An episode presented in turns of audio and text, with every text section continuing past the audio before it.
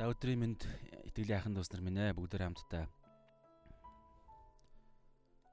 аа энэ өдрийнхөө эзний үгийг суралцдаг цаг руугаа ирцгээе. За тэгээд эзэн бурхандаа хандаад ариун сүнсээ сонсохын тулд бүгдээр хамтдаа залбирцгаая. Энэ өдрийн төлөө талархан залбирцгаая.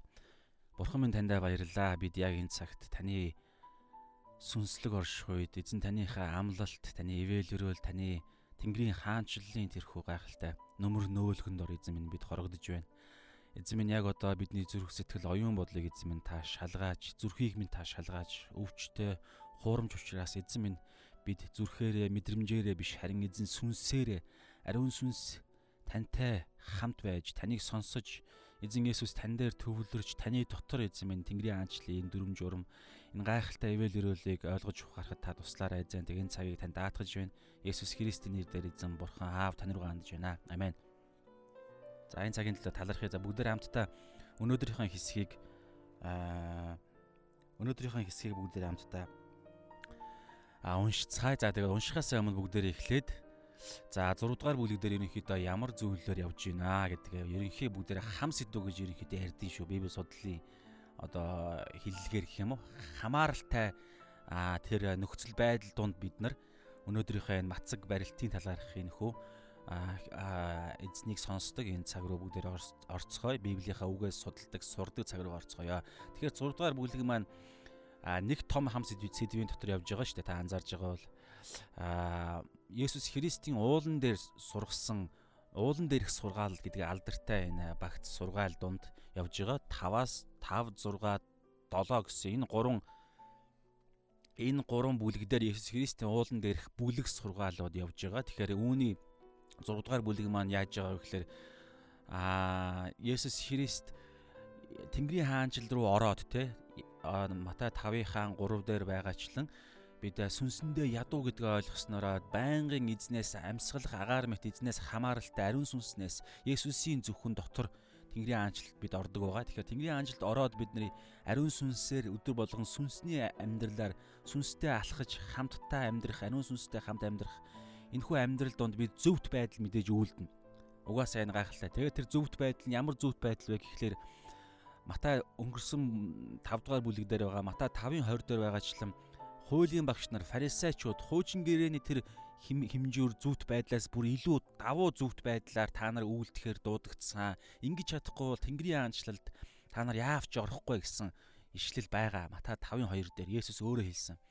Тэгээд энэ нь бол та нар гэдэг буюу ямар хүмүүст хандаж хэлж байгаа вэ гэхээр мах бодийнхоо амьдралаар амьдрдаг биш өөрийн хүчээрээ бид нар хийдэг биш хуулийн багш фарисеучудтай адилхан хуулийн те бид өөрсдийн хүчээр хийдэг биш харин ариун сүнсээр Есүсийн ариун сүнс бурхнаар те Есүсийн дотор нэгүсэл дотор бид нар Есүсийн хүчээр тэр ариун сүнсний хүчээр бид нар амьдарж байгаа тэр зөвхт байдлыг а байдал нь фарисеучуд хуулийн багш нарын зөвхт байдлаас илүү гарна гэж ярьж байгаа нь тэр.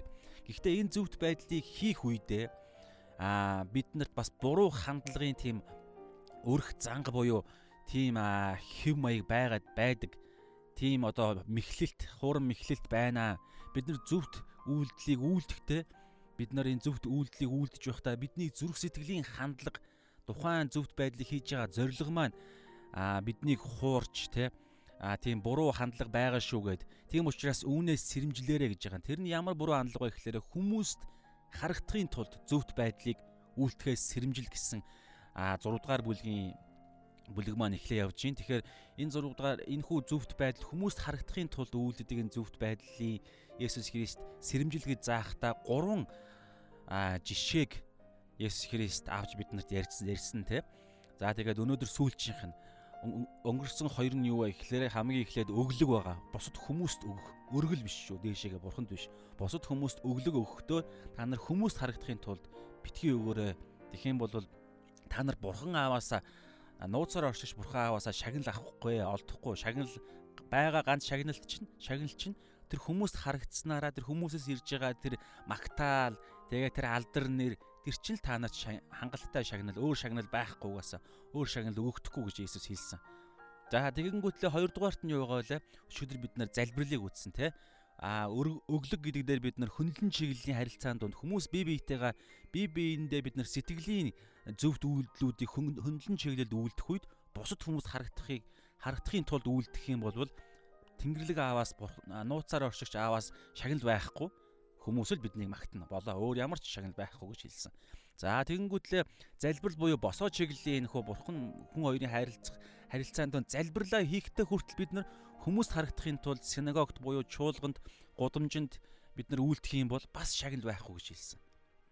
Нууцаар оршиж нууцаар оршигч аа бурхан аа биднэрт шагнал өгөхгүй байгаа хангалттай шагнал нь ганцхан байгаа шагнал нь юу вэ гэхээр бас л хүмүүсээс авах тэр магтаал оо ямар мундаг залбирдаг хүн бай гэдэг тийм л нэр цол аавна. Тийм л магтаал аавна. Сүнслэг байдаг байдал нь мундаг хүн байш шүү. Баян залбирах залбирах юм а ямар гоё уран үгээр залбирж гинаач гэдэг юм уу те. Тэгэхээр иймэрхүү юм сэрэмжлүүлээрэ гэсэн. За тэгэнгүүтлээ зөвхөн сэрэмжлүүлэх биш. Хажууд нь дандаа заавар зөвлөгөө хэрхэн яах талаар та өчигдрийн бичлэг урд нь нөгөө уржигдрийн бичлэгийг та үзүүл байгаа. Дандаа арга замын зааж өгсөн. Өчигдөр бол те эзний заасан залбирлыг бид нар задлах гэж оролцсон те. За өнөөдөр мацаг барилтын тал дээр Энэ бол би хөндлөн босоо гэж байгаа бол одоо болохоор гурав дахь нь буюу хүн өөр төв төв рүүгээ хандсан. Хүн өөр лүгөө хандсан. Хөндлөн босод биш, бурхан биш. Одоо яг өөр лүгөө хандсан энэ одоо энэ талбар дээр зөвхт байдал буюу бид нар мацаг барих гэдэг энэ талыг одоо бүгд хамтдаа үзье. Мөн яг адилхан л бусад харагдахын тулд энэ зөвхт байдлыг үйлдэх юм бол бас л шагнал байхгүй гэсэн санаа яриа явнаа. За бүгдээр уншия. Матай 6-гийн 16-аас 18-ыг бүгдээр хамт уншия. Чи мацаг барихтаа хоёр нүүртнүүч шиг бүү баргар царайл. Учир нь тэд мацаг барьж байгаагаа бусдад харуулахын тулд царайгаа бараалгадаг бараалгадаг. Үннээр би та нарт хэлье. Тэд шагналаа бүрэн авсан. Харин та нар мацаг барихтаа толгоогоо дослоод нүрээ угаа. Ингэснээр та нар мацаг барьж байгаагаа хүмүүст бус харин нууц оршигч эцэгтэй харуулнаа. Тэгээд нууц хардаг эцэгч нь чамд буцааж төлнө. Амен. За бүгдээрээ ингээ харъя л да. Тэгэхээр энийг ингээд ерөнхийд нь ажиглаад, залбираад, бясалгаад судалж байхад бол ерөнхийдөө нэг юм хоёр хэсэг харагдаж байгаа юм л да.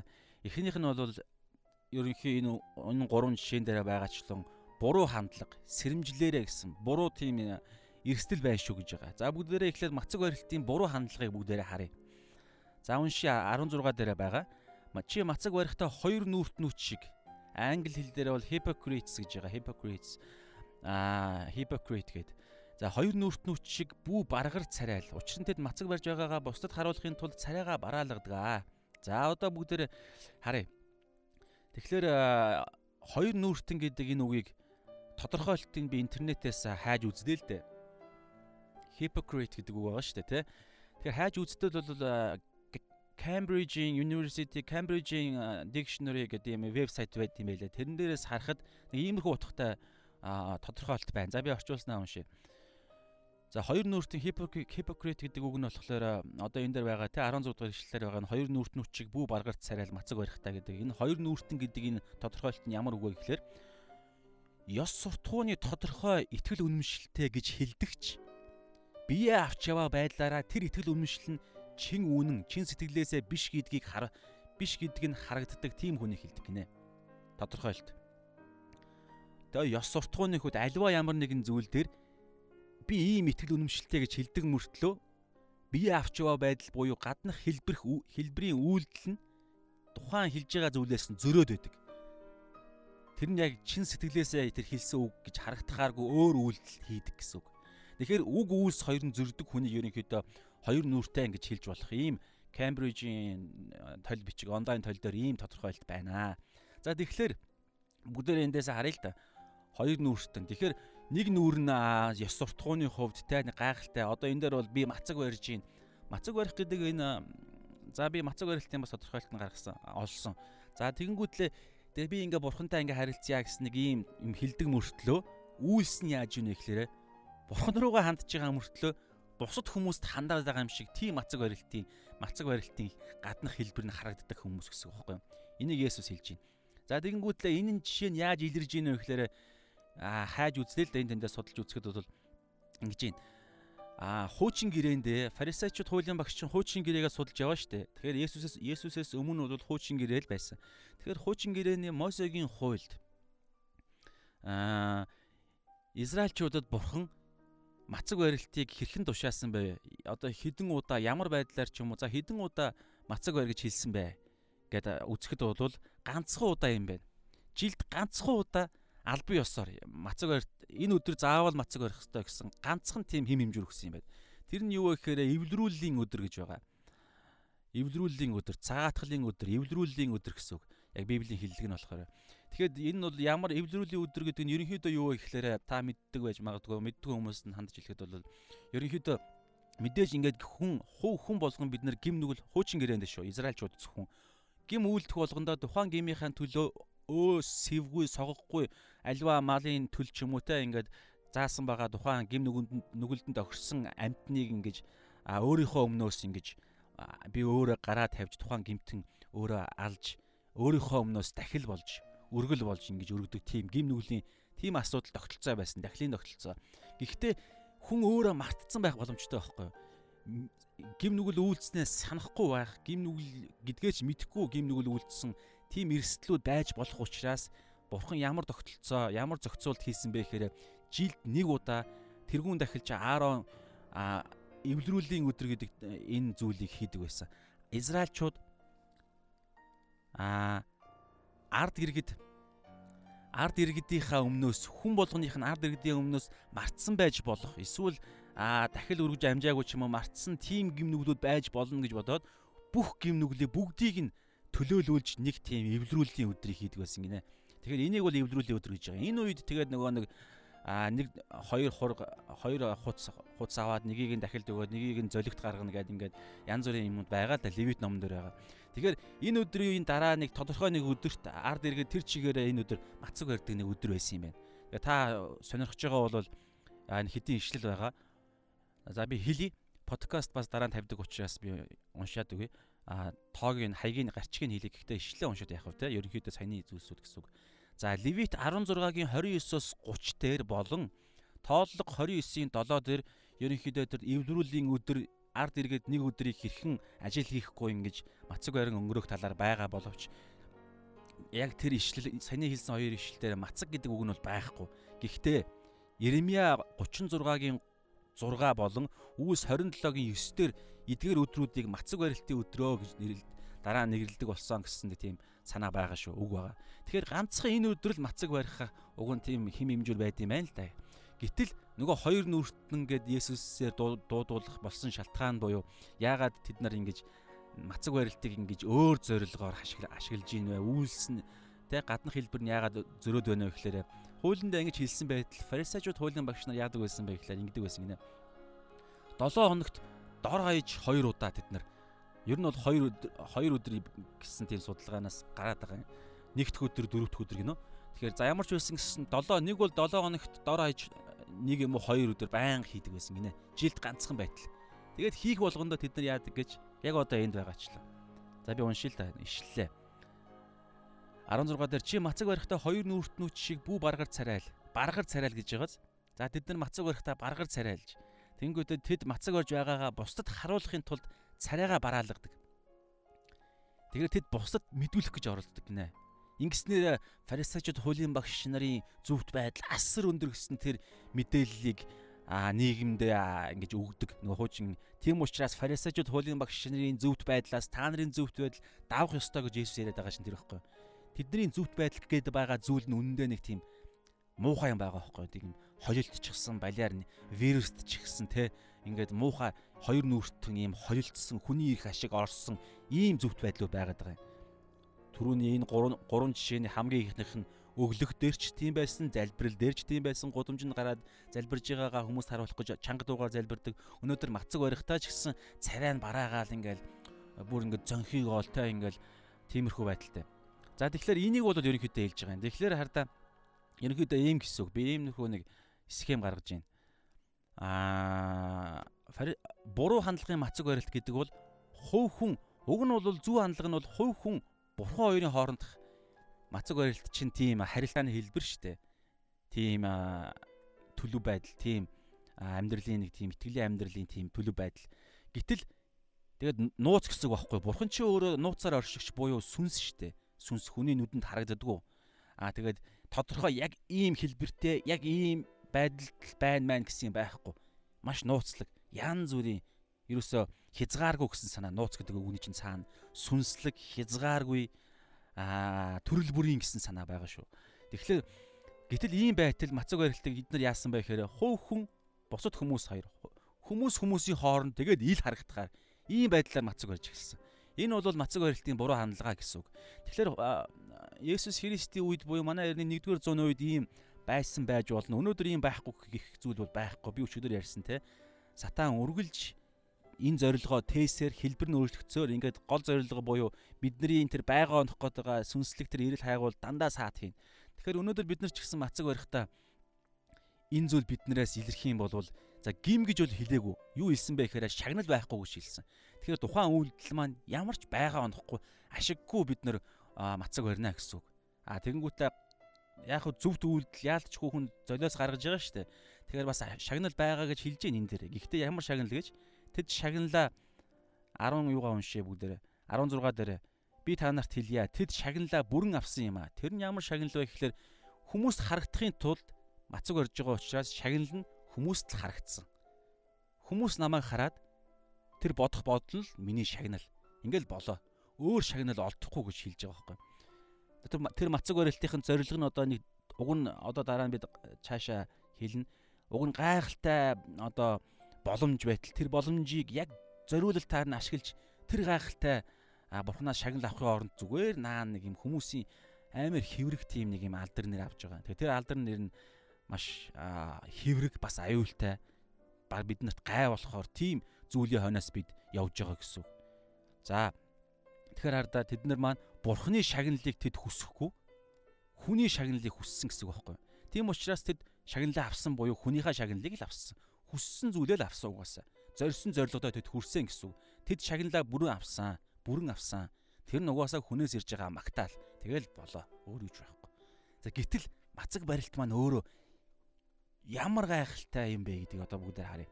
17-оос 18 дээр мацаг барилтын зөв хандлагыг зөв хандлагыг ерөнхийдөө хэлж байна. Бүгдээр харъя л да. За 17 уншия.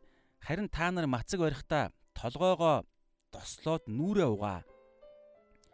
Ингэснээр та нар мацаг барьж байгаагаа хүмүүст бус харин нууц оршигч норшигч эцэгтэй харуулнаа. Тэгээд нууц хардаг эцэгч нь чамд буцааж төлнө. За 17 гарах юм бол та нар мацаг барихтаа харин гэж байгааз. За одоо зөв хандлагыг хэлье. Харин та нар мацаг барихтаа толгоогоо тослоод нүрээ угаа. За одоо эндээс эхэлж яах ерөнхийдөө бол. За энийг ярихаас өмнө би мацаг барилтыг нэг олсон нэг тодорхойлт нэг хоёр хэсгээс олсон юм байгаа. Би тэрийг уншаад өгчий. Танд бас хэрэгтэй байх гэж бодож байна. Аа Википедиа гэж байгаа штэ. Ян зүрийн тодорхойлтууд Монгол гэхэд л Монголын талаар гараад ирнэ те. Одоо юу гэдэг юм бурхан гэхэд л монгол хэлээр бүх орны хэлээр байгаа Википедиа гэдэг асар том тийм сан байдаг те мэдээллийн сан дикшнери гэж хэлж болно тойл бичиг. Тэгэхээр тэр янз янзын хэл сайнтай муутай тодорхойлтууд байгаа. Гэхдээ энэ дээр хараа Википедиа дээр байгаа мацаг барилт буюу fasting гэдэг англи үг шүү дээ. Энэ үгийн тодорхойлт нь харахад бол амар энгийн. Яг яг тэгээд үндсэн утга нь баггүй? А гэхдээ энэ физиологийн талаас шүү. Одоо яг энэ биеийн талаас гаднах хэлбэр байдлаасаа. За мацаг барилтын тодорхойлт бол ингэнэ сайн дураараа тодорхой хугацаанд юм идэхээс татгалзах байдал гинэ. Хүн өөрөө сайн дураараа тэгээд тодорхой нэг хугацаанд юм идэхгүй байхыг хэлдэг. Мацг барилт гэдэг бол. За тэгэнгүүтлээ энэ харда бас нэг хүн ингээд хүний юунаас номлолоос би ингээд сонсоход ийм ярьж байна. Ярианаас сонсоход бол ингэсэн. Fasting гэдэг энэ үг нь шүү дээ, тэ. А fasting гэдэг үгний чинь одоо үндс нь fast гэдэг үг байгаас тэ. Fast, fast тэ. Тэгэхээр энэ болохоор грек үг гинэ, грек үг. Тэгээд зүгээр шууд утга нь бол юм идэхгүй байх гэсэн утгатай. Юм идэхгүй байх. Тэгэнгүүтлээ нэг сонирхолтой нь англи хэлэн дээр нөгөө breakfast гэж байгаа шүү дээ. Аа өглөөний цай тий. Тэгэхээр сонирхолтой санагдсан учраас хэлмээ санагдлаа. Шүн ингээд хүн унтахтаа юу ч иддэггүй шүү дээ. Тэгэхээр юм fast гэдэг үг чи өөрөө юм идэхгүй гэсэн утгатай гэсэн хэлсэн те. Тэгэхээр breakfast чи өөрөө юм идэхгүй байгаа тэр хугацаагаа break буюу ингээд зогсоож ийн гэсэн санаа. Тэгэхээр шүнжэнгөө юм идэхгүй буюу fast бид нар унтаад мацаг барьж ягаад одоо биеийн организм мацаг барьж ягаад тэгээд өглөөний цагаар мацаг барилтаа зогсоолоо гэсэн санаа баг зүгээр. Одоо физиологийн талаас. Тэгэхээр англи хэл маань ийм гайхалтай. Тэгэхээр fast гэдэг үг чи өөрөө грек үг л дээ. Тэгэхээр юм идэхгүй байх. Тэгэхээр ерөнхийдөө бол хамгийн энгийн бөгөөд хамгийн наад захын тэр физиологийн талаасаа үг нь бол зүгээр л юм идэхгүй байх гэсэн үг шүү. За тэгэнгүүтлээ энэ бол зөвхөн физиологийн талаас те мах бодийн талаас үг нь шүү дээ. За одоо тэгэнгүүтлээ юуны Библийн хэрэглээ нь болохоор яг Библийн дагуух мацаг барилт гэдэг чи юу юм бэ гэхээр бас би ингээд нэг хэдийн орчуулсан. Мацаг барилт за Bible Study Tools.com гэсэн сайтан дээр нэг юм мэдээлэл байна. Мацаг барилт гэдэг нь оюун бодлоо бурхан дээр төвлөрүүлэхийн тулд оюун бодлоо шүү. Бурхан дээр төвлөрүүлэхийн тулд ямар нэг зүйлээс татгалцахыг хэлдэг гэсэн тодорхойлолт. А тэгэнгүүтээ энэ нь ихэвчлэн хоол байх нь олонтой гэд энэ дээр байгаа юм. Тэгэхээр ихэвчлэн хоол гэхдээ бас өөр зүйл байж болно. А оюун бодлоо бурхан дээр төвлөрүүлэхийн тулд нэг зүйлээс татгалзаж байгаа тэр зүйлийг мацаг барилтаа гэж хэлнэ. Тухайн зүйлээр мацаг барих гэж ярина шүү дээ. Тэгээ мацаг барилтын үеэр олон хүмүүс Библийг уншиж залбирч магтан дуу дуулах нь олонтой дуулдгаа. За Библийн хуучин ба шин гэрээний туршид мацаг барилтын талаар 50 гаруй удаа 50 гаруй удаа тэмдэглэгдсэн байдаг. Хуучин гэрээний үед мацаг барилт нь ихэвчлэн гашуудлаа илэрхийлэх нэг тийм хэлбэрээр хуучин гэрээнд хэрэгэлдэг байсан байна. Эсвэл эзний өмнө даруй байгаагаа илэрхийлэх арга хэлбэрээр хэрэгжилж байсан. Тэгээ дуулал 35-ын 13 дээр Есүс а биш Давид тэ өвчтөе хүмүүсийн төлөө тэ ямар нэгэн тэр зорилгын төлөө мацаг барьж өөрийгөө даруусж байгаагаа илэрхийлсэн тийм нэг жишээ байна. Дуулал 35-ын 13 дээр даруй байдал гашуудлаа илэрхийлж байгаа. Даруй байдлаа илэрхийлж байгаа. Йоэл хуучин гэрээний Йоэл Йоэл Йоэл лөө те. Йоэл 2-ын 12-оос 13 дээр гашуудлын талаар гашуудахын тулд та нар мацаг бариа гэж Йоэл иш үзүүлэгчээр Израильчуудад хэлсэн тийм нэг зориг байна. Тэгэхээр хуучин гэрээнд иймэрхүү байдлаар хэрэгжилжсэн. Харин шин гэрээнд мацаг барилт нь бурхан дээр анхаарлаа төвлөрүүлснээр түүн рүү ойртон өсөхийн тулд мацаг барилтыг ерөнхийдөө хэрэгэлдэг гинэ.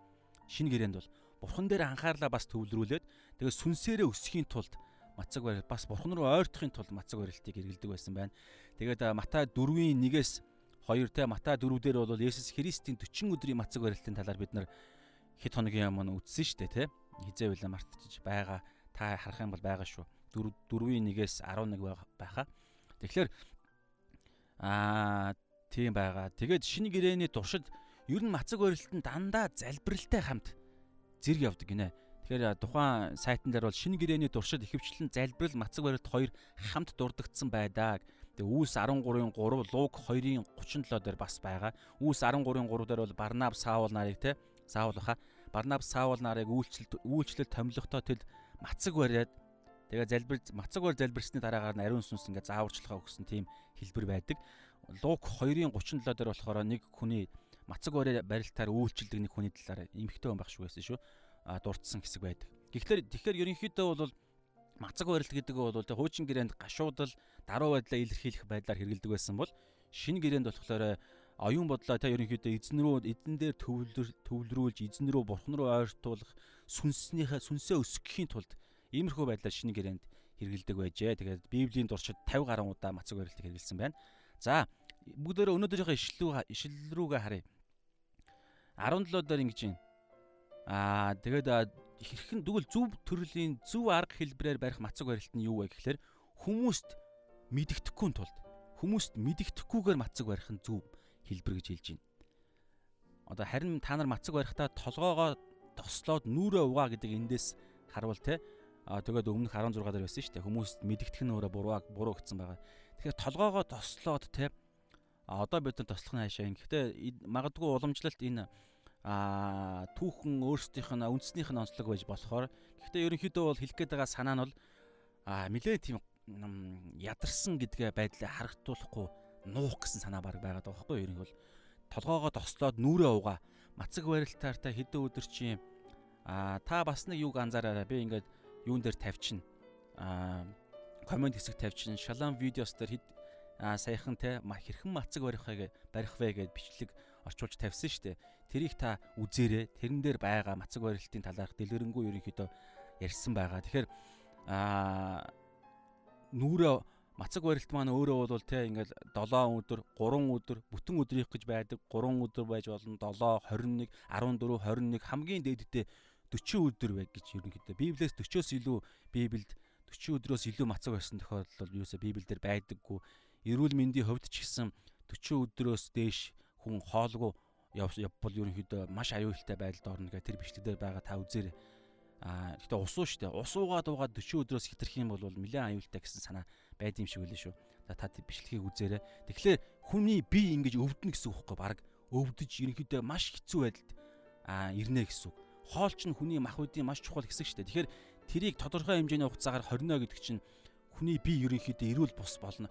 Юу гэдэм бэ? а аюултай гэх юм уу. Гэхдээ яг эрүүл мэндийн талаас мацаг барилтыг тэр бичлэгийг та үзэх юм бол цэвэршилт бодисын солилцоо ингэж бодисын солилцоог дэмжиж ингэж дотор байгаа элдв янзын хог шааруудыг ингэж цэвэрлэх процесс явагдах утгаараа мацаг барилт эрүүл мэндийн эрүүл мэндийн зүгээс хүний биед маш сайн гэсэн ангаа ухааны зүгээс ч гэсэн хилцсэн байгаа байхгүй юу. Тэгвэл хоолгүй удаа яваад ирэхээр хүний дотоод эрэхтэй ингэж агшаад те ямар ч байсан гэсэн нэлээд тийм эвгүй гаднах байдал дээр илэрнэ. Тэгэхээр тэр илэрж байгаа байдлаа нуугаараа гэсэн санаа хэлж байгаа байхгүй. Яагаад гэж байгаа юм гэхэлэр бид нар өөрсдөө одоо би энэ дээр бол ингэсэн хүмүүст бүү мэдгэд гэж байгаа юм. Тэгэхээр хүслээсээ зүхтах гэж би аа надад тийм бодол ухаарл ирж байгаа юм. Яагаад вэ гэхээр бидний хүсэл, бидний зүрх, бидний итгэлийн амьдрал маань шашинлаг тийм гаж болох болох тийм хандлагатай эсвэл болцсон ч байж магадгүй. Ер нь бол бид нар чинь алхам тутамдаа сорилтонд ордог штэ. Тэгэхээр мацаг бариад ингээл ядарч мадарж байгаа ингээл яг өссөн маш хэцүү үед ингээл тэ ямар нэгэн байдлаар хүмүүс мэдэх тийм нөхцөл ирлээ гэж бодоход бид нар аль болох мэдэгдэхийг хүсэж байдаг. Та яг шударгаар зөвхөн өөртөө бодоорой зүгээр. Мэдгдмээр санагддаг. Тэгснээрээ би аа тодорхой хэмжээнд би нэг юм аа мундаг юм хийж байгаагаа хүнд мэдүүлээд алдар гэж хэлэхэд хэлэхэд арай хүндэд чинь уу яаж чинь те? Ямар ч байсан гэсэн би нэг юм хэцүү байгааг минь хүмүүс мэдрээсэ гэж би хүсэж байгаа байхгүй дотроо та ингэж сайн шалгах юм бол тийм бодол байдаг. Тэгээд те хин нэгэн хүн маань хаанчлалын төлөө өлсөж байгаа зөвхт байдлын төлөө өлсөж байгаа хүн мэдээсэ гэдэг юм уу те? Тэгэхээр тийм зориг тээж байгаа чинь өөрөө нөгөө нэг ихнийх чинь яриад байгаа хоёр нүүртнүүд буюу тухайн мацаг барилтын зорилгоос гайцсан нэг тийм юм хийгээд байгаа байхгүй бид нар өөрийн мэдлгүй. Тэгэхэд ирэхээр чинь тухайн мацаг барилтын нэг бол зорилго нь ч гэсэн биелэхгүй байх боломжтой. Шагнал нь юу юу гэж хэллээ? Шагналаа бүрэн авсан буюу тухайн хүнээс л ирэх тэр нэг юм анхаарал халамж те нэг тийм зүйлээ бид нар аваад болчихж байгаа юм. Харин нуух юм бол хинч мэдхгүйгээр бид нар нууж те нэг бол мацаг барилтын үеэр бид нар хүмүүсээс хол байдаг гэрте байнга байдаг ч юм уу. Эсвэл бол нүдний шил зүүдэг ч юм уу, маск маск зүүдэг ч юм уу. Мэдхгүй танд ямар арга хэлбэр байна те. Тэгэхээр энэний нэг жишээ нь Библийн дагууны харагдсан юм бол та санаж байгаа бол 40 өдөр Есүс мацаг барихтаа гэхдээ сүнсээр хөтлөгдсөн шүү. Хүн өөрөө нэг тийм би энийг хүсэж чинь энэ зүйлийг л би ойлгочмоор байна гэдээ явах явсан гэхээс илүүгээр та харах юм бол дөрөвдүгээр дөрөвдүгээр бүл Матай 4-ийн хамгийн ихний ишлэлээр билүү 3-ын төгсгөл дээр байгаа сүнсээр хөтлөгдөж байгаа. Есүс ариун сүнсээр хөтлөгдөөд тэгээд сатаанд соригдохын тулд цөл рүү явж байгаа.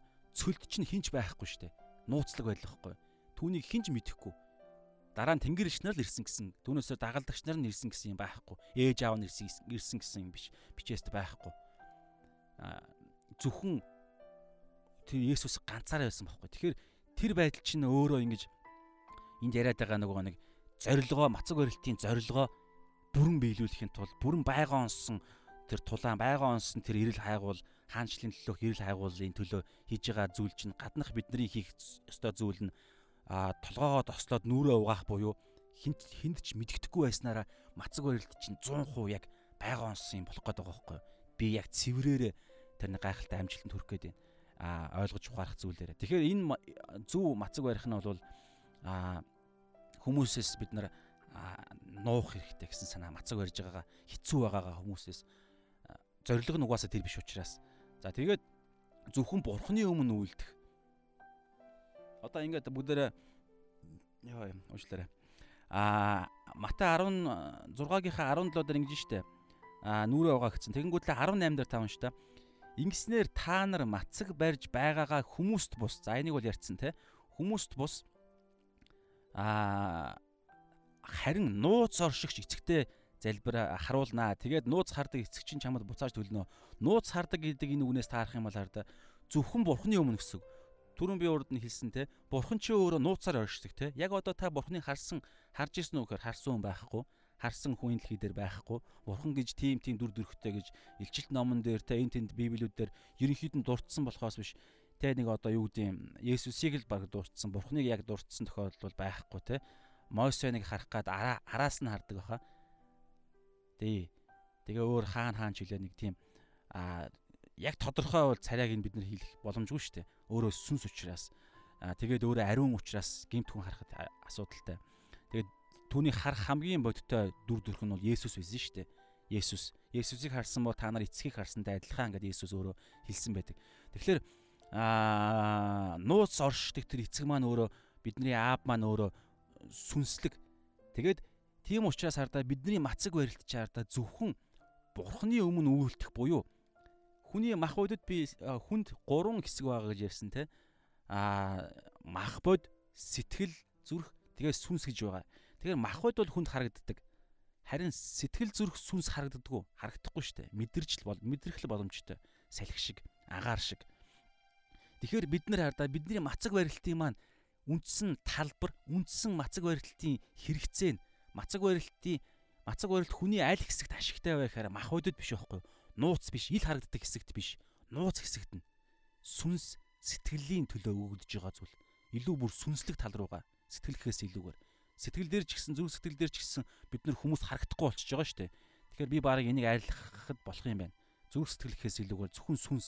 Гэхдээ яагаад зүрх сэтгэл гэж хэл бич болж байгаа гэхээр зүгээр зүрх сэтгэл сэтгэл чинь зан характер чинь харагддаггүй шүү дээ. Тэгэхээр аа энэ зүрх сэтгэлийн төвшөндөө ч гэсэн бид нар толгоогоо тослоод нүрээ угааж байгаа энэ хэлбрээрээ бид нар бас тодорхой хэмжээний зүрх сэтгэл дээрээ бид нар юм хийж байгаа гэсэн үг. Тэгэхээр одоо яг тухайн хүн асуухад те өө зүгээр зүгээр санаа зовлтгүй би сайн байгаа маа ч гэдэм юм хэрэг тухайн үед би энэ өвдөж илаа гэж бодоход эсвэл маш өсөж илаа гэж бодоход өө зүгээр зүгээр найз нь юу юу гэдгийг те а бурхантай цаг гаргаж байгаа ч гэдэм юм ямар нэгэн байдлаар ариун сүнс танд сануулах байх. Тэгэхээр гол нь сүнсний асуудал. Тэгэхээр бидний мацаг барилт маань зөвхөн а харин нууц оршигч эцэгтэй харуулнаа буюу мацаг барилт маань ийм сүнслэг төвшөнд нууцлаг төвшөнд нууцлаг хүний хэсэг гэсэн үг байхгүй юу сүнс сэтгэлийн төвшөнд хийгддгээ гэсэн үг. Тэгээд нууц хардаг нууцаар хардаг нууцаар оршдог нууцлаг зүйлсийг олж харж чаддаг буюу хүний сүнсийг сэтгэлийг харж чаддаг тэр аав маань биднэрт буцааж яг энэ төлнө гэдэг орчуулга болж байгаа асуудалтай санагдаад байгаа юм. Буцааж гэдэг энэ хоёр үг чинь аа биднэрт зүгээр шагнана гэсэн байгаа. Англи би яг бүх орчуулгыг харсан л да. NRSV ч харсан. Бүгдэн дээр нь reward л гэсэн байлаа. Шагнана гэсэн санаа. Тэгээ openly, reward openly ил тодор шагнана, хязгааргүйгээр янз бүрийн байдлаар те нээлттэйгээр ингэж шагнана гэсэн санаа байгаа байхгүй юу? Бүх юун дээр орчуулган дээр. Тэгэхээр төлнө гээд нэг юм нэг хариу өгөөд нэг юм төлөөс мөлөөс хийгээд байгаа юм шиг бидний үйлсийг нэг юм өнгөтл бурхан хариуд нь ингээд төлбөр гэхээс илүүгээр Бурхан өөрөө сайн дураараа биднэрт шагнаж байгаа гэсэн санаа. Тэр үйлдэл маань бидэнд ашигтай байхгүй юу? Зүгээр ажил хийж өгөөд Бурханаас төлбөр авч байгаа биш. Төлбөр байхгүй байсан ч гэсэн түрүүний ярьсан өглөг залбирал өнөөдрийн матцаг барилт чинь бүгд биднэрт хэрэгтэй яг бодиттой. Дээр нь нэмээд Бурхан шагнана гэсэн санаа л ерөнхийдөө надад буугаад байгаа юм. Тэгэхээр Бурхан ингэж ил тодор шагнана гэсэн. Нууцаар оршигч те сэтгэл сүнсийг харагч сэтгэлийг харагч сүнсийг харагч тэр нэгэн маань шагнана гэсэн үг. Тийм учраас сэтгэл сүнснийхээ төлөө бид мах бодоо аа мах бодийнхоо тэр хүслийг буюу хүмүүст харагдах гэдэг тэр бодлоо бид нар бодлоосоо энэ хүслээсээ зүгтах хэрэгтэй. Энэ бол тийм уламжилсан шашны юм гаж хүслүүд бидний дотор өөр юм хэлгүй би болоо яваад байгаа шүү. Та ажил хараарай. За тэгэнгүүтлээ би яг crosswalk crosswalk.com гэсэн энэ сайтнаас Сюзана Нилс, Wendy Simpson Little гэсэн ийм хоёр хүний блог байдаг юм байна л да. Тэндээс ингэж харсан юм. Мацаг барилтын мацаг барилтын бидний амьдралыг өөрчлөх таван арга зам замыг дурдсан байна л да.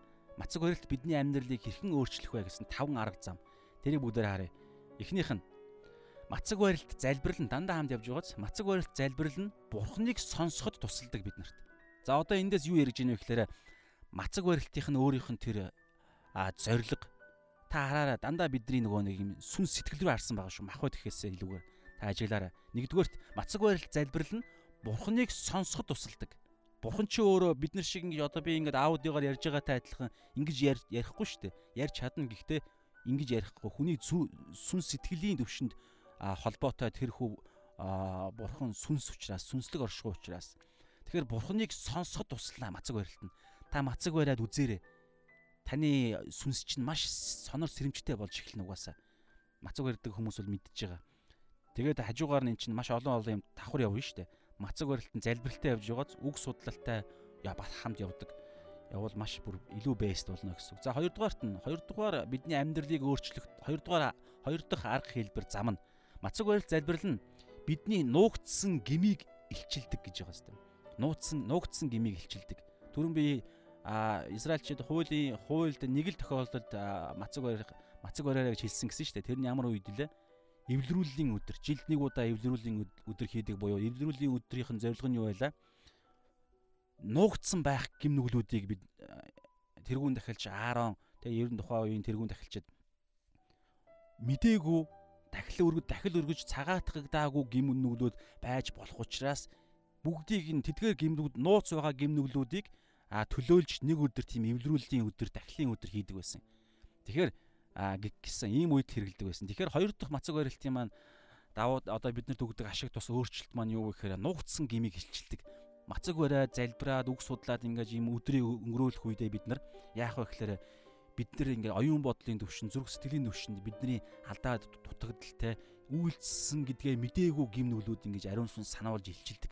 Энэ ямар зоригтой юм? Сүнслэг цэвэрлэгээ аахгүй. Оюун санааны шинчлэл Тэгээ биднийг ингэж цэвэрлээд эзэн цаа шин зүйлийг өгөх гээд байгаа байхгүй. Тэгэхээр ийм гайхалтай үйл явдлын төлөө мацаг барилт нь 2 дугаарт. За 3 дугаарт нь мацаг барилт залбирал нь бурхан мацаг барилт залбирал залбирал нь бурхан бидний дотор бурхан бидний дотн харилцааг хүчрхэгжүүлдэг. Бурхан бид хоёрын интимэси гэж байгаа маш дотн харилцааг хүчрхэгжүүлдэг мацаг барилт залбирал нь мацаг барилтын үеэр дотн харилцааг шүү. Тэгэхээр та бурхантай дотн байж бурханаа ойлгож мэддэг альва одоо гинтийн маш хурдан өнгөрдөг амьдралын энэ сонголтууд донд бид тэр дотн харилцаанаас чинь бидний оюун санаа бурхантайгаа адилхан бол болсон цагт маш хурдтай сонголтыг шаардлагатай үед бид нар бурхны хүслийн дагуу сонгож сурдаг болдог. Энэ бол ерөнхийдөө нэг талын төлөвшөлтөлтөө. Тэгэхээр ариун сүнсээ бид нар байнга сонсч чаддаг болно гэсэн үг шүү дээ. Тэгэхээр энэ дотн харилцааг хүчрхэгжүүлдэг. Улам илүү.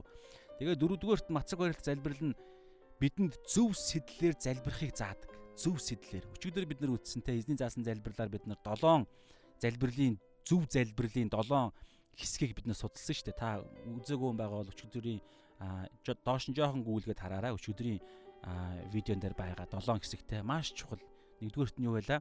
Хинт ханд залбирж байгаа. Хоёрдугаарт нь залбирж байгаа би өөрөө хийн. Гуравдугаарт нь юу байлаа? А мах үдийнхаа хэрэгцээг залбирж эхэлж байгаа. Тэгээд аягаар нь сэтгэлийн хэрэгцээ, сүнсний хэрэгцээ. Тэгээд тэр залбирж байгаа нэгэн чинь өөрөө үнэхээр залбиралд хариулж чадна гэсэн тэр гайхалтай юу хийж чаддаг хүн харилцагч маань бурхан маань те. Тэгээ төгсгөлд нь юу байла? Хаанчлал те. А ямар агуу хүч чадал байгаа юм. Тэгээ тэрэнд нь би итгэж байгаа ч гэдэг юм уу?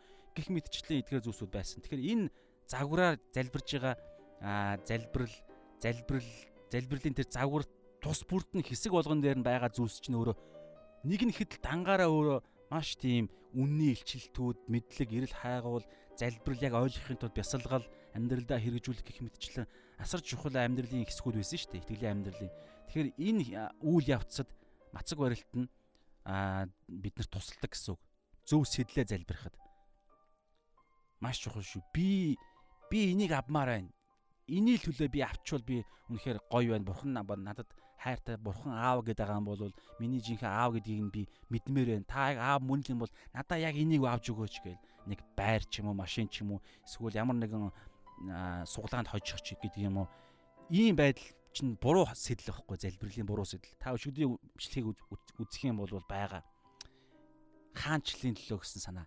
Би гэдэг энэ үзэл чинь өөрөө хэрхэн яаж өөрчлөгдөх өөрчлөгдөж байгаа вэ? Өөрчлөгдсөн тэр хүний залбирлыг яриад байгаа байхгүй юу?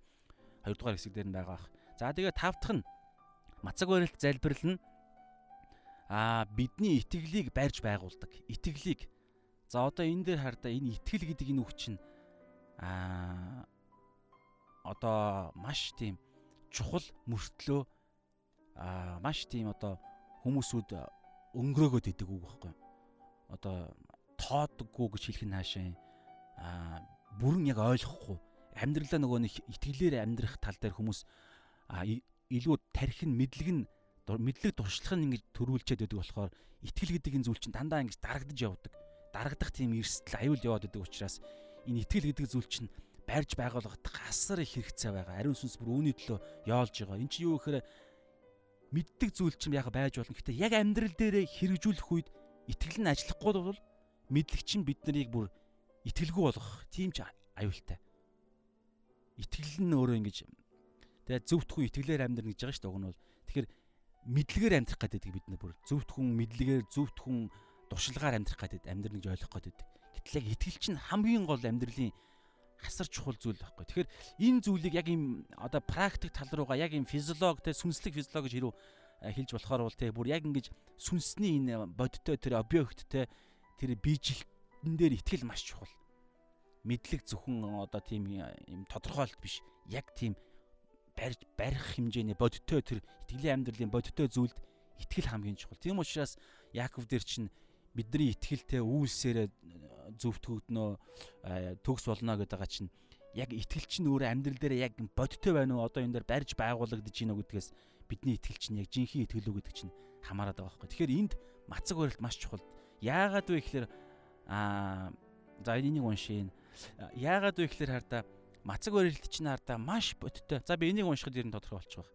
Энэ Анжио Мөрвэ гэдэг энэ хүний энэ тодорхойлолт мундаг тодорхойл байдгийн гинэ. Тэгэхээр энийг би нэг орчуулах гээд оролцсон. Ерөнхийдөө бол санаа нь гарцсан байгаа. Та энийг ингээд би уншия та ойлгодоо. А ойлгохдоо саяны ярих гэдэг зүйлтэй. Яагаад те мацаг барилт бүр тийм хэмжээний чухал итгэл итгэлийн амьдралыг бүр ингэж маш бодиттой болгоход яагаад чухал юм? Энэ хүний тодорхойлтыг бүгдээр уншия. Мацаг барилт нь Бурхны хаанчлалын төлөө хайсан зүйлсээ олж авахын тулд за дахиад уншия Мацаг барилт нь Бурхны хаанчлалын төлөө хайсан зүйлсээ олж авахын тулд юу ч бүр өөрсдийгөө ч хүртэл золиослоход бэлэн тэрхүү шийдвэрийг шийдвэрээ илэрхийлэхэд маань тэр шийдвэрээ гүнзгийрүүлэхэд маань тэр шийдвэрээ баталгаажуулахад маань тусалдаг гинэ. Тодорхойлолт ч дээ ерөнхийдөө эндээс чааш нь ингэж олон зүйл ярина. Ерөнхийдөө гарчиг гэсэн санаа тодорхойлолт. Хардаа мацаг барилт нь Бурхны хаанчлалын төлөө гэж байгаа шүү. Бурхны хаанчлалын төлөө өөрийнх нь төлөө биш байгааз Хэрвээ та мацаг барилтыг өөрийн эрх ашигын төлөө Библиэлд ч гэсэн энэ санаа байгаа учраас энэ хүн ингэж а тодорхойлж ингэж өөр юм сүүлж ингэж хүнд ойлгохтойгоор ойлгохдохоор ингэж Библийн ерөнхий санаа гаргаж ирсэн гэсэн үг байхгүй юу. Тэгэхээр мацаг барилт нь Бурхны хаанчлалын төлөө Мата 6-гийн 33 ч гэсэн байгаа. Бурхны хаанчлал зөвхт байдлын төлөө эхлээд хай тэгвэл бусад зүйлсийг нэмж өгнө гэсэн санаа Библийн хэрэгцээ мах бодийн хэрэгцээнд дундах тэр амлалт Бурхны. Тэгэхээр мацаг барилт нь Бурхны хаанчлалын төлөө хайсан зүйлс гэж байгааз хайсан зүйлсээ олж авахын тулд энэ Бурхны хаанчлалын төлөө хайж байгаа зүйлсэд өнөөдөр бидний итгэлийн амьдралын асар олон асуултууд байгаа. Юу юу ч хийж болно. Одоо жишээ нь та дуудлагаа мэдж байгаа юу те? Аа үйлчлэлт чинь танд ингээ асуудлууд байна уу? Үйлчлэл хийж яхад бидний зарим гимнүгэл байсаар байгаа учраас тэнд ингээд одоо нөгөө нэг юм тулаан болоод байгаа шүү дээ. Болдог тохиолдлууд байгаа. Тэгэхээр тийм үе жишээ нь яах вэ гэд хаанчлалын төлөө ингээд явж их үед асар олон тийм өргөсүүд, асар олон тийм ойлгож ухаарч хаях хөстэй хуучин амьдралын үлдцүүд гэх мэт зөндөө олон зүйлсүүд байгаа. Тэгэхээр мацаг барилтанд бурхны хаанчлалын төлөө хайсан зүйлсээ нэг зорьсон олж мэдхийг хүссэн хайсан зүйлсээ олж авахын төлөө юу ч золиослох золиослох золиослоход бэлэн тэр шийдвэр байгаа байхгүй.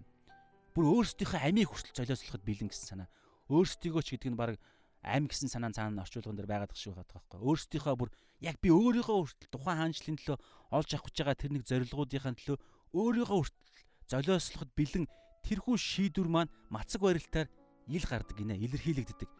Хоёрдугаарт энэ шийдвэр чинь мацаг барилтаар улам гүнзгий болдог. Энэ шийдвэр дээр бацсахсдаг. Бас мацаг барилт маань энэ хүү хаанчлалын төлөө олж мэдэх гээд байгаа юугаач зориулахад бэлэн гэдэг нь одоо нөгөө нэг хоол ярих гэдэг юм л да хамгийн чухал амьдралын бас маш чухал бензин шүү дээ. Тэрийгээ хүртэл золиослоход бэлэнгээд байгаа. Тэгжиж би хаанчлалын төлөө би Бурхны хаанчлалын төлөө би энийг олоод авмаар байна. Энэ мэд энийг л мэдчмээр байна. Хайр гэж жишээ зүгээр те хайрын талаар олж мэдчих жагаал би хайр гэж яг үнэхээр Бурхны хайрыг би бүр мэдэрмээр байна ч гэдэг юм уу. Яг ингэж энэ шийдвэрийг чинь мацаг барилт чинь ингэж улам баталгаажуулдаг. Энийг чи илэрхийлж бурханд илэрхийлж харуулдаг. Энэ шийдвэр чинь улам гүнзгийрдэг. Та нэг та нэг сэдвэр мацаг барилаа гэж бодъё л да. Нэг сэдв, нэг одоо энэ хаанчлалын төлөө олж авахын төлөө нэг зүйлийг ингээд та хайгаад явхад мацаг барилт дууссаны дараа ч юм уу магадгүй хугацаа өнгөрсний дараа та тухайн шийдвэр чинь танд бүр үлдчихнэ харж байгаарай. Бүр яг үлдэнэ. Зүгээр ингээд ярилцах одоо ингээд юу нөхөрлийн цагаар хаяа бид нар төрөл бүрийн сэдв хамж ингэж ярьдаг штэ. Тэр сэдвүүдээс чинь таны тухайн бүр мацаг барьж бүр хамгийн хүсдэг хоолоо а та тэр шалон видеос дээр байгаа хэрхэн мацаг барих вэ гэж бичлэгийг үзээрэй. Бид нар бүр хоолнд онтцсон байдаг гэдэг байгаа байхгүй юу? Тэгээ буруу хооллох тэр аюулаас хүртэл мацаг барилт намгаалдаг гэдэг олон ашиг тус байгаа. Тэгэхээр тэр нэг юм мах махбодийн хамгийн хүний хүсдэг хамгийн их хамгийн үндсэн тэр хүсдэг зүйлийг яа бас хамгийн аюултай гэсэн санаа нэг талаараа бүр бидний донтуулдаг биднийг ингэж альва босод хүслэх хэрэгцээнүүдээс бүр даван гардаг тэр зүйлээ хүртэл золиослоод хаанчлалын төлөө тухайн зүйлээ би хийж гинэ гэдэг энэ зүйлийн дараа нь та тухайн шийдвэр чинь танд мартагдахгүй улам гүнзгийрсэн байгаа. Тэгэхээр гих мэдчлэн асар олон давуу талтай.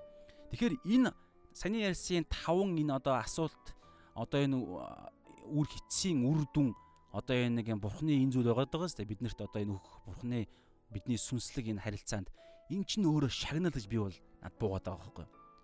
Нууцаар түрүү хэлсэн шүү дээ. Хүм энэ олон гол гой зүйлийг та авахыг хүсэж гин үү? Эсвэл зүгээр л мацаг барьдаг гэдэг энэ энэ байдлаараа хүмүүст зүгээр л магтуулахыг хүсэж гин үү? Зүгээр хүмүүсүүдээс авах тэр нэг жоохон магтаал хажууд нь өөр сонголт юу вэ?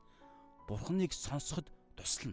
Бурхныг сонсдог болчвол бурхан чинь ас нөгөө Филиппо хоёрыг өчигдөр ярьсан тэр тэр штэ бас нэг талаараа. Бурхан бидний бурханаас бидэнд өгөх алдар ямар гоё вэ? Хүнээс өгөх алдараас хамаагүй бат бөх аа хууршгүй тэгээд одоо нөгөө нэг юм сүрэхгүй байхгүй юу? Бурханаас их өгөх алдар. Тэгэхээр тийм гоё шагналыг бид нар авъя л да. Хэрвээ бурхан биднийг алдарч зүгээр яг нөгөө хүмүүс харагдахын тулд гэсэн зүйл дээр би хайрцуулж ярих гэдэг юм л да. Хэрвээ хүнээс биш бурхнаас бид нар алдар ирлээ гэж бодъё л да. Тэгвэл Мата 6-ын 33 юу байлаа? Та нар эхлээд бурхны хаанчл болон зөвхт байдлыг хай. Тэгвэл та нар бусад зүйлсийг нэмж өгнө гэж байгаа. Яг тухайн амсэд дээр хоол хүнс мах бодийн хэрэгцээ байгаа л да. Гэхдээ бусад зүйлс гэдэгт нь өөр олон юм орно шүү дээ.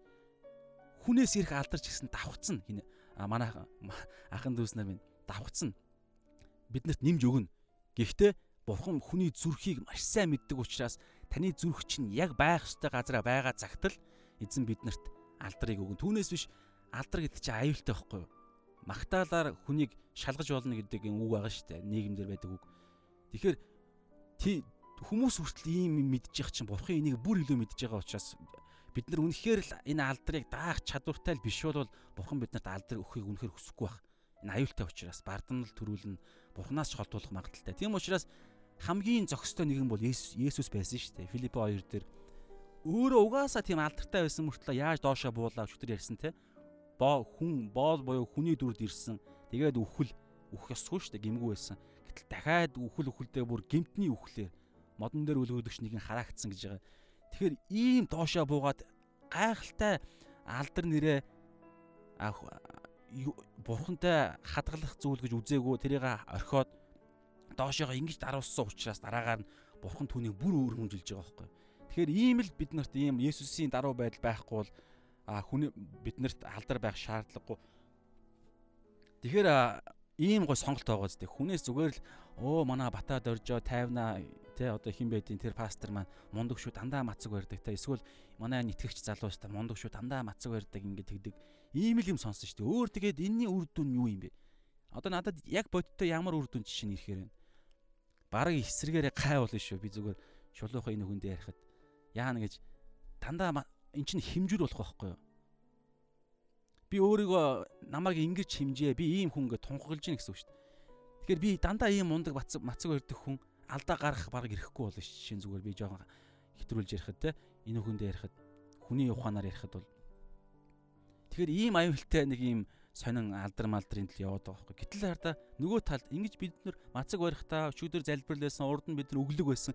Эдгээр хаанчлалын хуулиар явхад эдгээр сайн үсийг бид нар хийхдээ хүнээс нууж хийснээрээ бурхан биднэрт өөрөө бүр хүнээс ирдгээс илүү гоё шагнал өгөх байхгүй. Тэр нь гэхдээ нууцаар.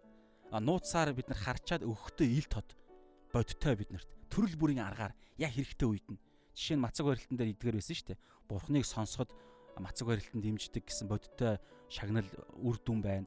Тэгээ нуугдсан гмийг хилчилдэг. Гмийг хилчилнэ гэдэг чинь сайхан шүү дээ. Гимгүү байвал ямар гоё вэ? Үнэхээр их чөлөөтэй. Тэгээд бид нэр хүл хүлээсгүй. Тэгээ одоо ингээд манай улс төрчдгийг та анзаарах юм бол миний бодлоор улс төр ингээд тийм одоо ийм нуугдмал ийм нэг юм а харанхуйн хүчний энэ систем улс төрд угаасаа альва улс төрд бүгдэн дээр нь ажиллаж байгаа байхгүй хүний эрх эрх мэдлийн асуудал яригдж байгаа цагт бол хүн төрөлхтний түүхээс угаасаа байсан. Тийм учраас эн чинь аюултай. Тэгээд тийм учраас Есүс ямар төвшөнд ирж хаан болж юм те сүнслэг төвшөнд. Тэгэхээр энэ цаана хичнээн сайн хүн зүгээр яг хардалт мундаг хүн байх боломжтой л доо. Гэхдээ итгэгч хүн байх тусмаа сайн байх гэхдээ бидний зорилго тийм биш. Хичнээн мундаг одоо мундаг шудраг те арт түмнэ гэсэн сэтгэлтэй хүн улс төрд гарлаа гэж бодоход тэр систем нь аймаар учраас тийшээ оронгуутлаа ямар нэгэн байдлаар төгс мэрэгүү ухаантай хүм могоо шиг тэ мэрэгүү ухаантай мөртлөө тагтаа шиг гимгүүлэх хүн байхгүй бол улс төр дээшээ гарахтаа нэг л гим байгааг би эсрэг нам маань эсвэл манай намын дарга маань мэдчих юм бол тэрүүгээр намааг ингээд барих байхгүй боолчлно. Ер нь мафууд альва зүйлс дандаа ингэж явдаг. Тийм учраас би нэг юм хэлээл улс төртэй. Одоо би ийм хүн би ийм шудрахгүй ийм зөвлөгөөр би улс төрт гарч ирсэн гээл би ингээл ийм байя манайхаа ингээл хэлэхэд л за дугаагаарэ чи өчигдөр яалаа согтчоод яалаа малаа эсвэл чи нөгөө нэг юун дээр гар өсөж зурлаа. Тэгээ юу яриад байгаа юм бэ? Гэхэд «Э, э, за тийм дээ гэл ингээл байхгүй болно би яриад байгаа нууцлаг гим гэдэг чинь энэ ихгүй. Хэлэх гээд байгаа санаа нь бол бидний нууц гимүүд чинь биднийг ингэж хүл барьж нууцаар биднийг боомлж идэг.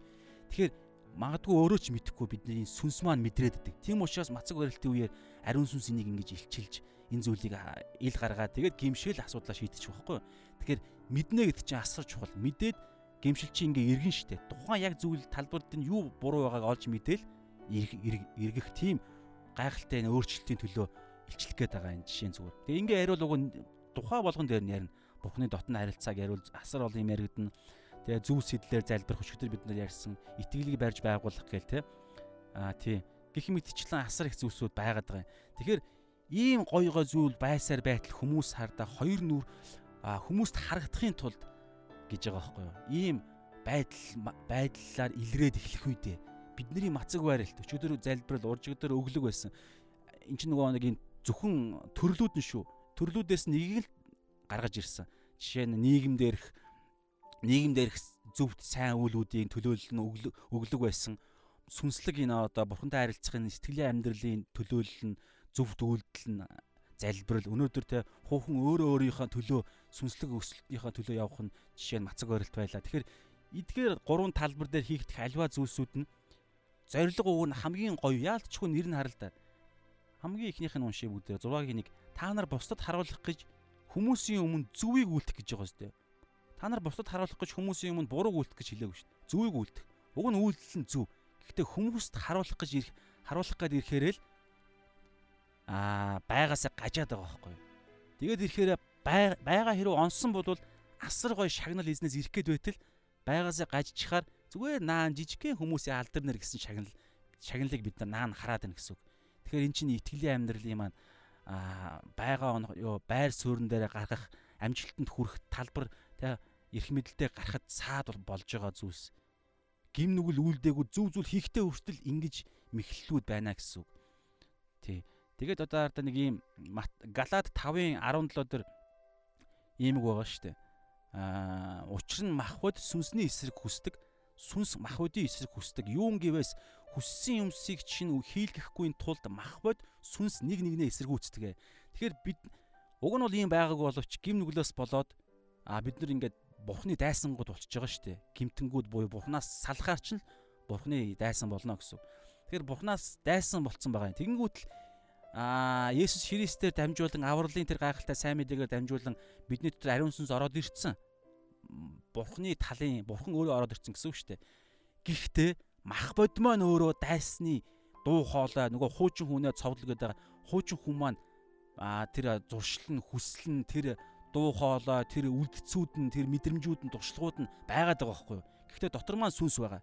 Найдвартай боловч бид нар хийх ёстой зүйлээ бид алийг нь сонгох ёстой сонголтуудаа буюу одоо энэ Галат 5-ын 17 дээр байгаа бид сүнсээ сонгосон энэ амьдралаараа үргэлжлүүлэн итгэлийн шинэ амьдралаараа амьдрахгүй бол нөгөө дуу хоолой байгаа Ром 7 дугаар бүлэг дээр байгаа шүү дээ. Миний дотор хоёр хууль хоёр хууль надад орилоод байна. Үйлчлээд байна.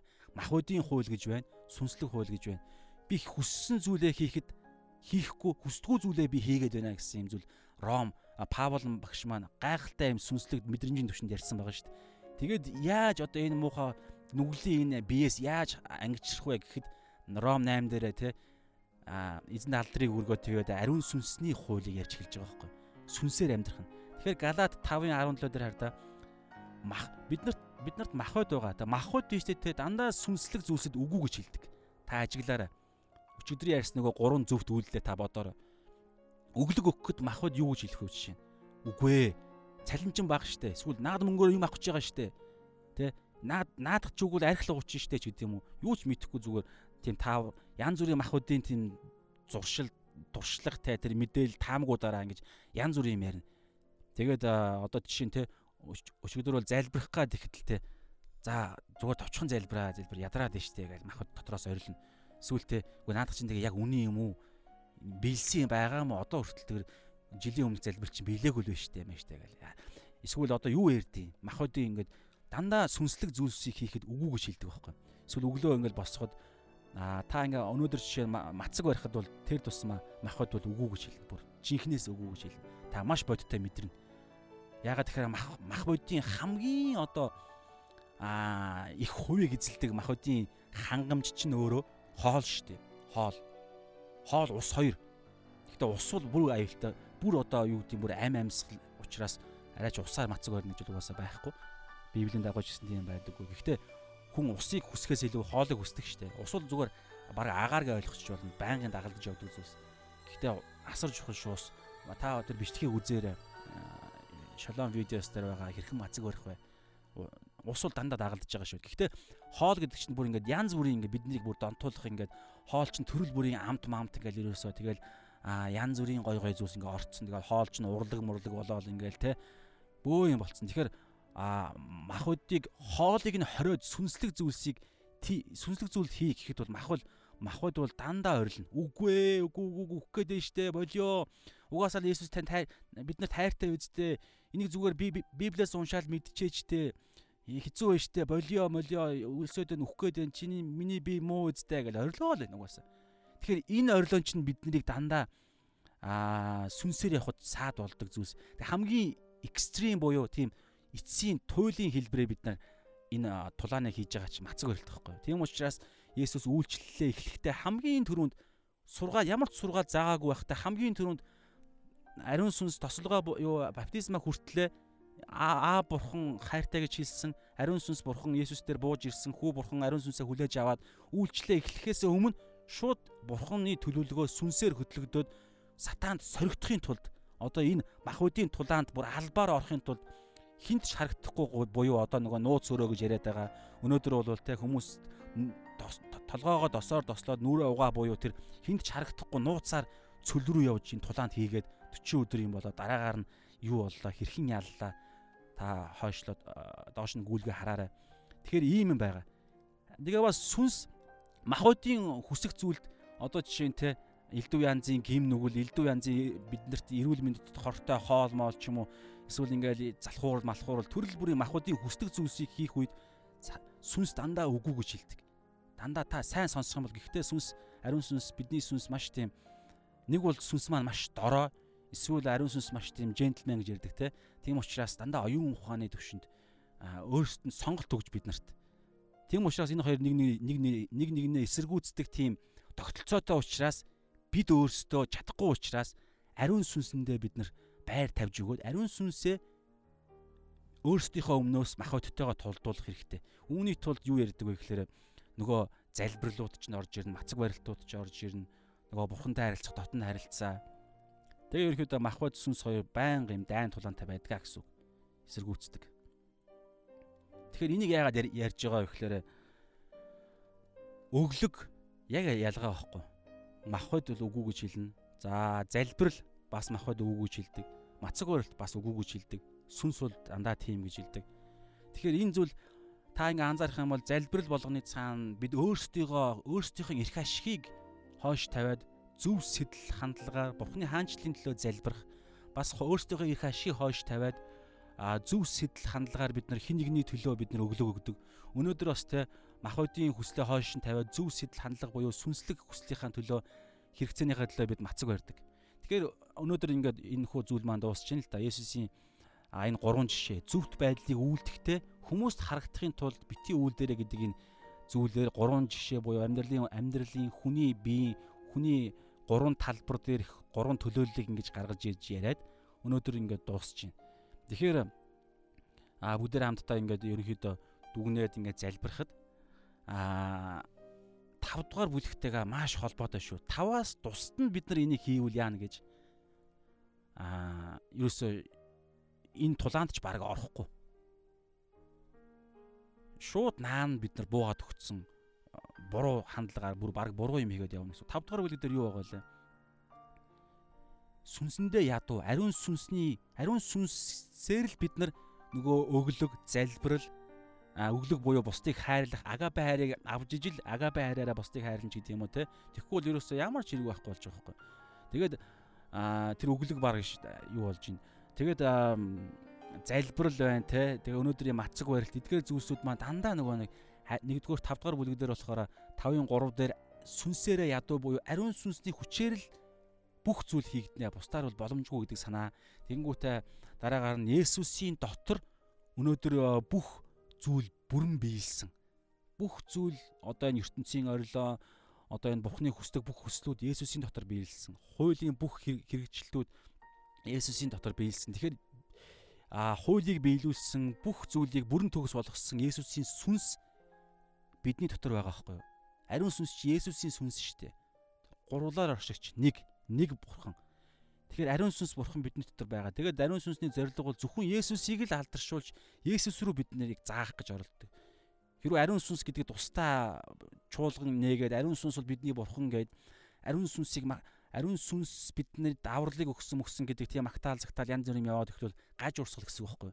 Ариун сүнс хизээч тэхгүй. Ариун сүнс зөвхөн Есүсийг л аа өргөмжилж Есүсээр дамжуулж Иохан 14:6 би бол зам үнэн ам гэсэн энэ тунхаглал буюу Есүсээр дамжуулж л дамжиж л Бурхан аав руу бид нар ингэж үрчлэгдэн хүүхэд нь болсон гэдэг энэ санааг ариун сүнс дандаа ингэж явдаг.